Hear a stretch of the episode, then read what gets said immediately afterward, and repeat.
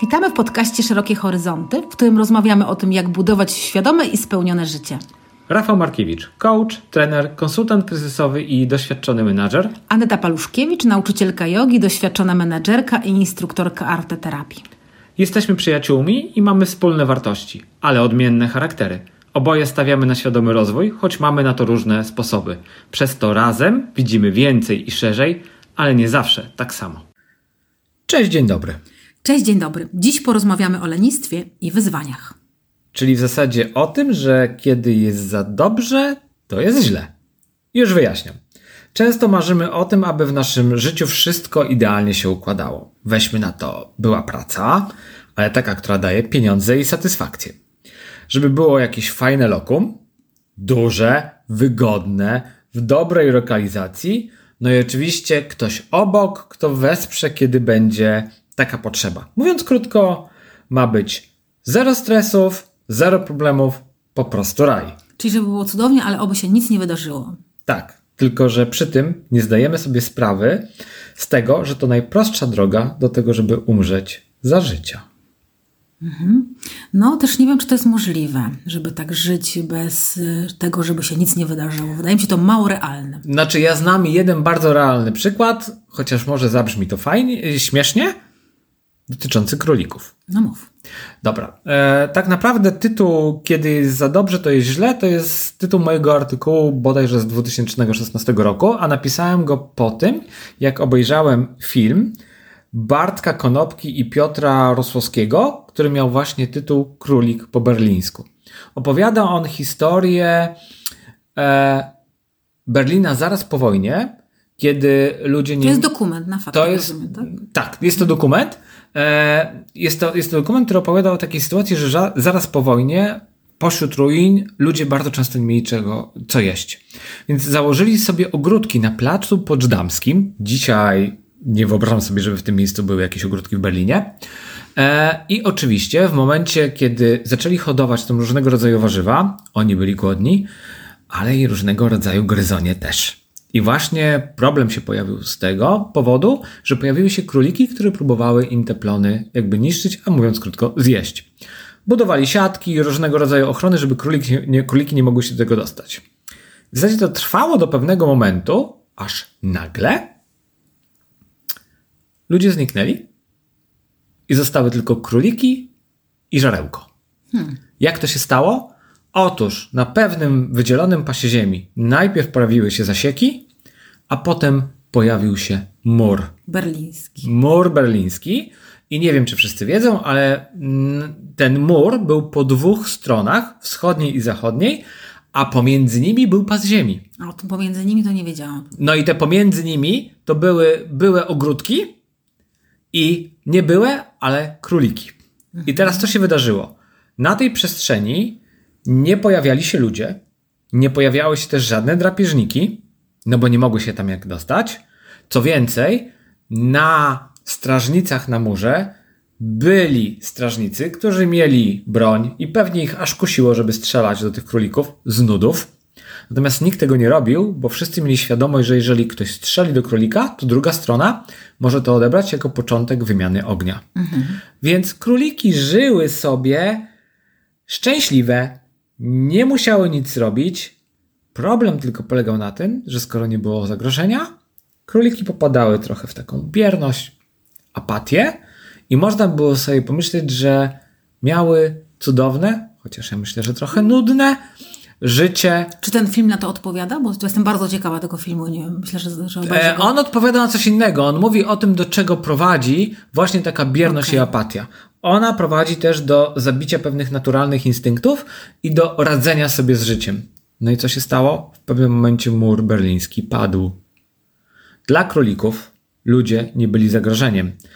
Koty, które na nie polowały, czy też psy, nie były zagrożeniem. Znaczy, były, tylko one o tym nie wiedziały. Efekt Czy instynkt się wyłączył, tak? Dokładnie. Efekt. Populacja, królicza populacja Poczdam, z Potsdamskiego Placu przestała istnieć. Czy z tego jest wniosek taki, że życie po prostu bez wyzwań i doświadczeń jest niemożliwe, bo jednak jest duża zmienność w naszym życiu?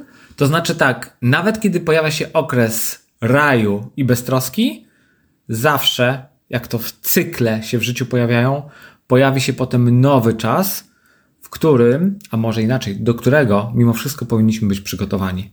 Jeżeli się rozleniwili, e, jeżeli żeśmy nie myśleli o tym, co się może wydarzyć, no to w tym momencie może nie zginiemy, ale na pewno będzie nam bardzo, bardzo ciężko. Zastanawiam się, jak te króliki na życie przełożyć, e, w tym sensie, że, że co się przygotować, do czego? Do różnych sytuacji awaryjnych? Jak to widzisz? E, widzę to tak, że e, ja bym powiedział tak, utrudniać, czyli trochę się rozwijać. Czyli jeżeli mamy czas na to, żeby odpocząć, to zadbajmy o to, aby w tym czasie pojawiło się coś, co nas rozwinie, albo co będzie powodowało, że będziemy musieli mm, stawiać czoła jakimś wyzwaniom. Przykład z życia, który mi przychodzi do głowy, to może być taka wizja, że nie będę wyjeżdżał na wakacje za granicę, chociaż mnie na nie stać, żeby przypadkiem nie pojawiły się problemy. Bo nie wiem, nie mówię w tym języku, bo coś się może wydarzyć na lotnisku, bo mogą odwołać samolot, bo hotel może będzie nie taki. Mogę znaleźć całe bo,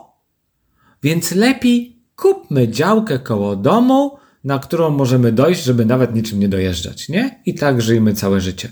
No wiesz, jak byłem, to o tym też sobie już kiedyś rozmawialiśmy. Jeżeli ktoś z tym ma się dobrze, jak żyje, to jest wszystko w porządku. Natomiast jeżeli nie jest w tym szczęśliwy, w tym swoim znanym, niezmiennym, powiedzmy teoretycznie świecie, albo później już w sytuacji kryzysowej faktycznie sobie nie radzi, no to to już jest, to już jest temat może do przyjrzenia się. Wiesz co, e, trafiłem kiedyś na taki artykuł, który mówił o tym, e, jak w Niemczech wzrastają, wzrasta takie mm, podejście do życia, gdzie jest dużo nacjonalizmu jakby takiego obaw przed napływającymi ludźmi z zagranicy. Mhm.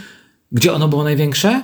Na ścianie wschodniej. Dlaczego? Bo ci ludzie nie opuszczali swoich miejscowości, nie wyjeżdżali kiedyś za granicę. Mówimy o starszych osobach. Tak, tak. Więc dla nich wszystko, co przychodziło z zewnątrz, było zagrożeniem, bo było nieznane. Oni nie mieli w zwyczaju tego, żeby przełamywać pewne swoje opory i bariery i próbować jakby zapoznawać się z tym, co jest inne, oni chcieli wrócić do stanu, który był kiedyś, stąd tak mocno, że tak powiem, rozpowszechnione partie nacjonalistyczne, szczególnie w tej części Niemiec. Czyli w Niemczech Wschodnich, z których ludzie raczej nie wyjeżdżali. Mhm. I myślę, że to nam tak samo grozi, jeżeli zmienia się rzeczywistość, jeżeli, nie wiem, postęp idzie do przodu, to my możemy ciągle utyskiwać, że chcielibyśmy, nie wiem, no może nie liczyć na liczydłach, ale żeby wystarczyło to, że potrafię policzyć na kalkulatorze, a nie potrafię używać Excela. Mhm. Bo kiedyś to wystarczało. No to też jest taki ciekawy argument, bo kiedyś tak było. Też o tym rozmawialiśmy sobie, bo mieliśmy podcast o zmianach, prawda? Tak. Że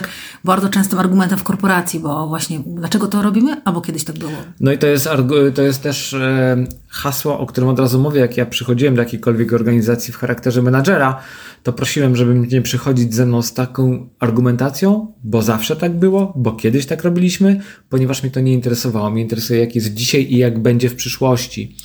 I wydaje mi się, że takie lenistwo poznawcze powoduje, że my się nie rozwijamy i nawet nie zauważymy, jak ten świat nas na tyle wyprzedzi, że my potem nie będziemy potrafili się w nim odnaleźć. Ja w ogóle mam takie podejście, że to chyba jest niemożliwe, żebyśmy się nie rozwijali. W tym sensie, że jeżeli sami nie mamy takiej chęci e, do zmian, to życie i tak jest tak dynamiczne, tak zmienne, że to jest niemożliwe, żeby nie było wyzwań.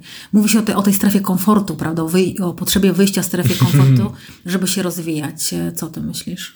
Ja bym powiedział tak. E, hasło wyjdź ze strefy komfortu jest super, ale jeżeli nie ma w nim musisz wychodzić ze strefy komfortu, bo nie musisz. Nic nie musisz. Bo czasami wydaje mi się, że warto w tej strefie komfortu przebywać, chociażby po to, że jeżeli po dużym doświadczeniu, poznaniu czegoś nowego, e, nadrobić takie swoje zasoby energetyczne, czy też zregenerować się i odpocząć.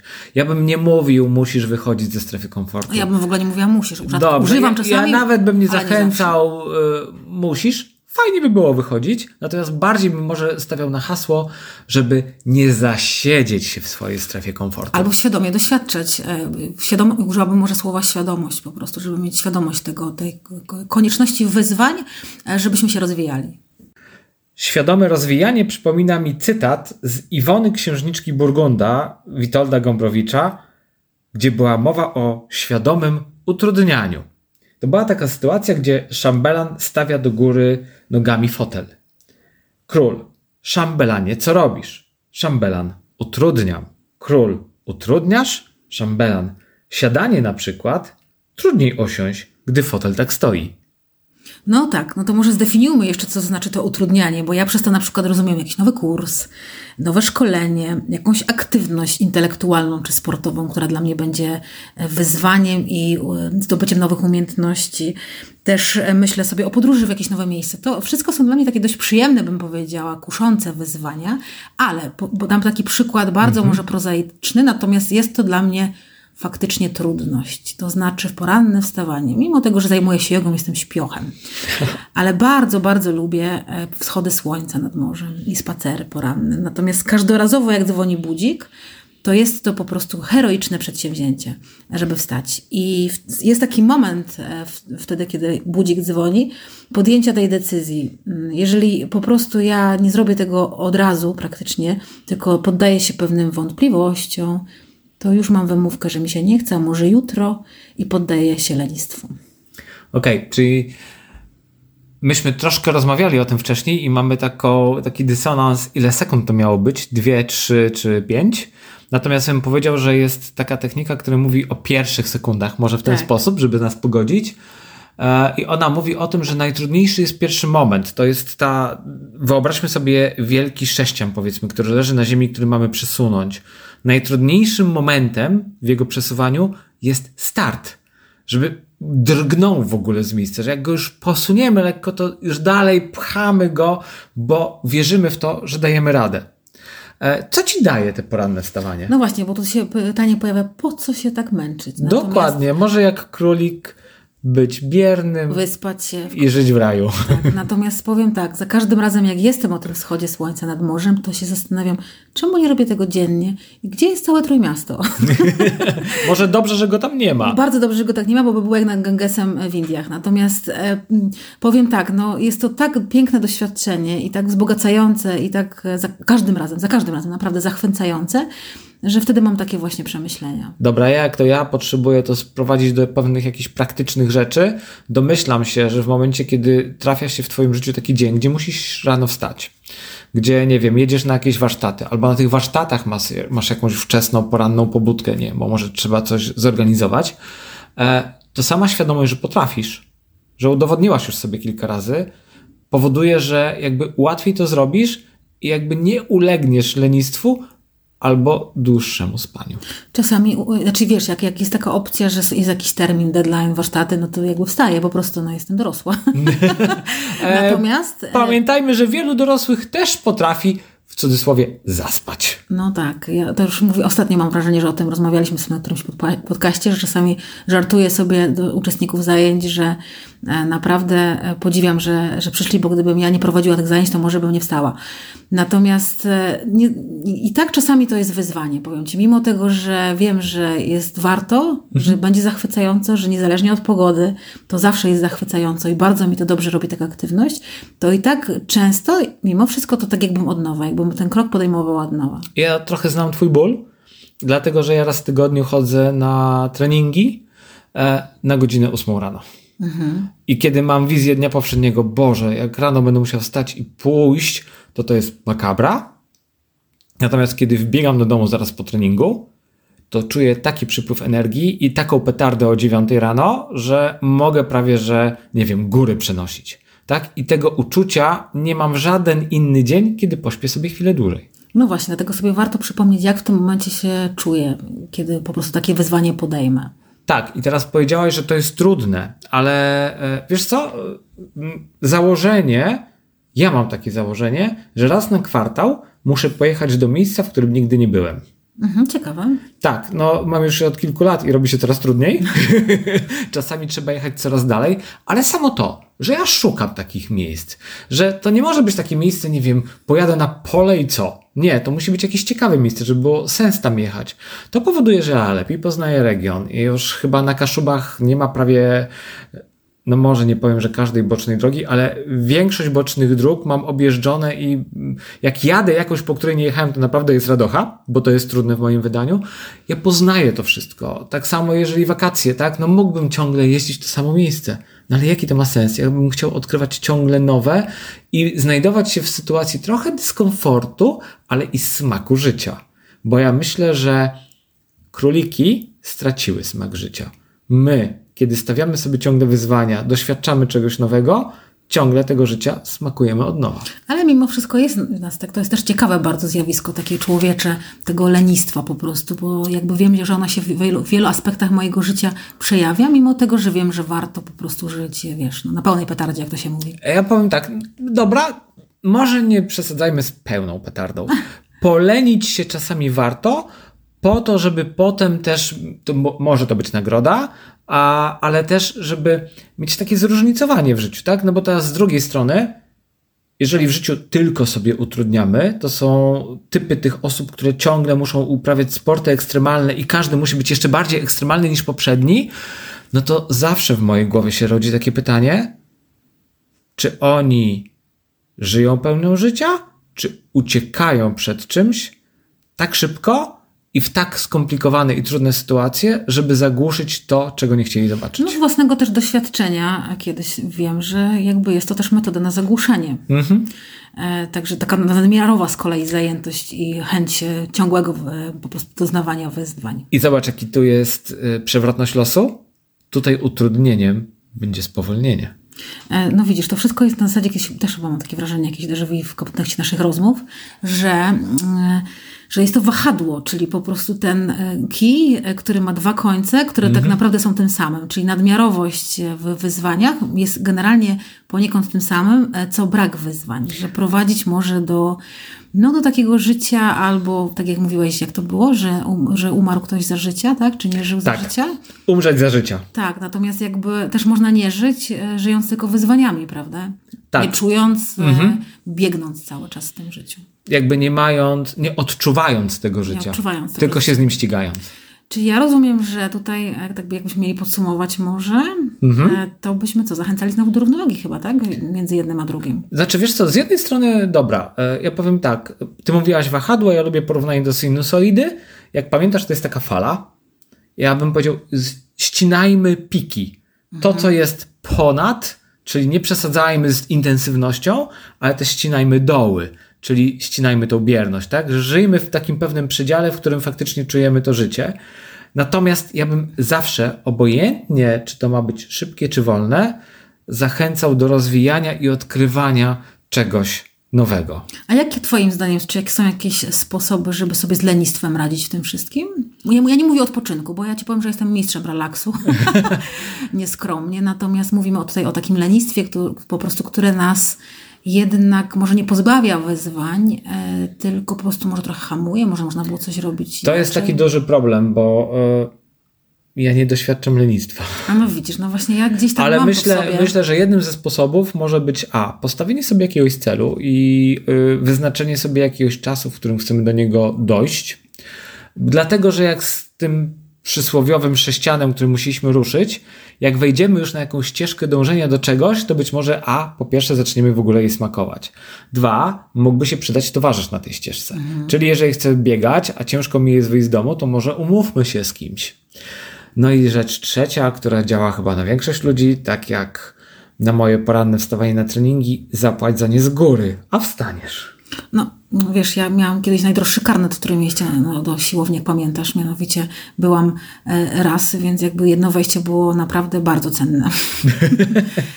Są też takie metody, żeby mimo wszystko unikać. Ale no, no jakby oczywiście zgadzam się, tak troszkę prowokacyjnie cię pytam, bo... A prostu- yoga coś może mówić na ten temat? Tak, no oczywiście yoga jest generalnie o dyscyplinie, także jakby tutaj to, to, to poprzez taką codzienną praktykę, systematyczność można te nawyki zmienić, czyli po prostu wychodząc w ten sposób z lenistwa. Ale ja myślę, że ona ma jedną ważną radę. Tak, że nie zawsze musimy cisnąć na maksa, bo yoga często mówi ćwicz tak, jak się czujesz, ale ćwicz. Tak, tak, dokładnie, dokładnie tak jest. E, Też z punktu widzenia jogi, e, temat duszy na przykład, która mówi się, że ona chce w życiu, a propos jeszcze wyzwań doświadczać, że ona po to jest, żeby tutaj na ziemi, żeby doświadczać. To tak z takich ciekawostek ci powiem. ja to się trochę zastanawiam, czy dusza, czy ego, ale nie To wiem. są dwa pojęcia w, tym, w, tej, w tej, tej koncepcji. No ale to Okej. może też jakiś dłuższy wątek. Możemy Tak. sobie kiedyś porozmawiać o filozofii jogicznej, jakbyś chciał. E, Ja bym, na pewno możemy do tego wrócić, natomiast ja myślę, że takie główne przesłanie, które chcielibyśmy dać, to co? No, że byśmy nie unikali wyzwań, żeby może patrzeć na nie jak na taką jakąś podróż, przygodę, bo wtedy życie po prostu staje się ciekawsze, żeby się ich nie bać, żeby, żeby może nawet je prowokować, bym powiedziała, ale też nie być nadmiarowym w tym. Ja bym powiedział jeszcze tak, nawet kiedy pojawi się jakiś mur, który ochroni was przed wszystkim, co trudne, to miejmy z tyłu głowy, że kiedyś go zburzą. To bardzo ładna puenta i ważna, bo życie i tak nam wyzwań dostarczy. To cóż pozostaje mi powiedzieć, może lekko prześmiewczo, trzymajcie się, a tak naprawdę nie dajcie się zamknąć za murem. Między jednym a drugim. Dokładnie. Powodzenia. Dziękujemy serdecznie i do usłyszenia. Do usłyszenia.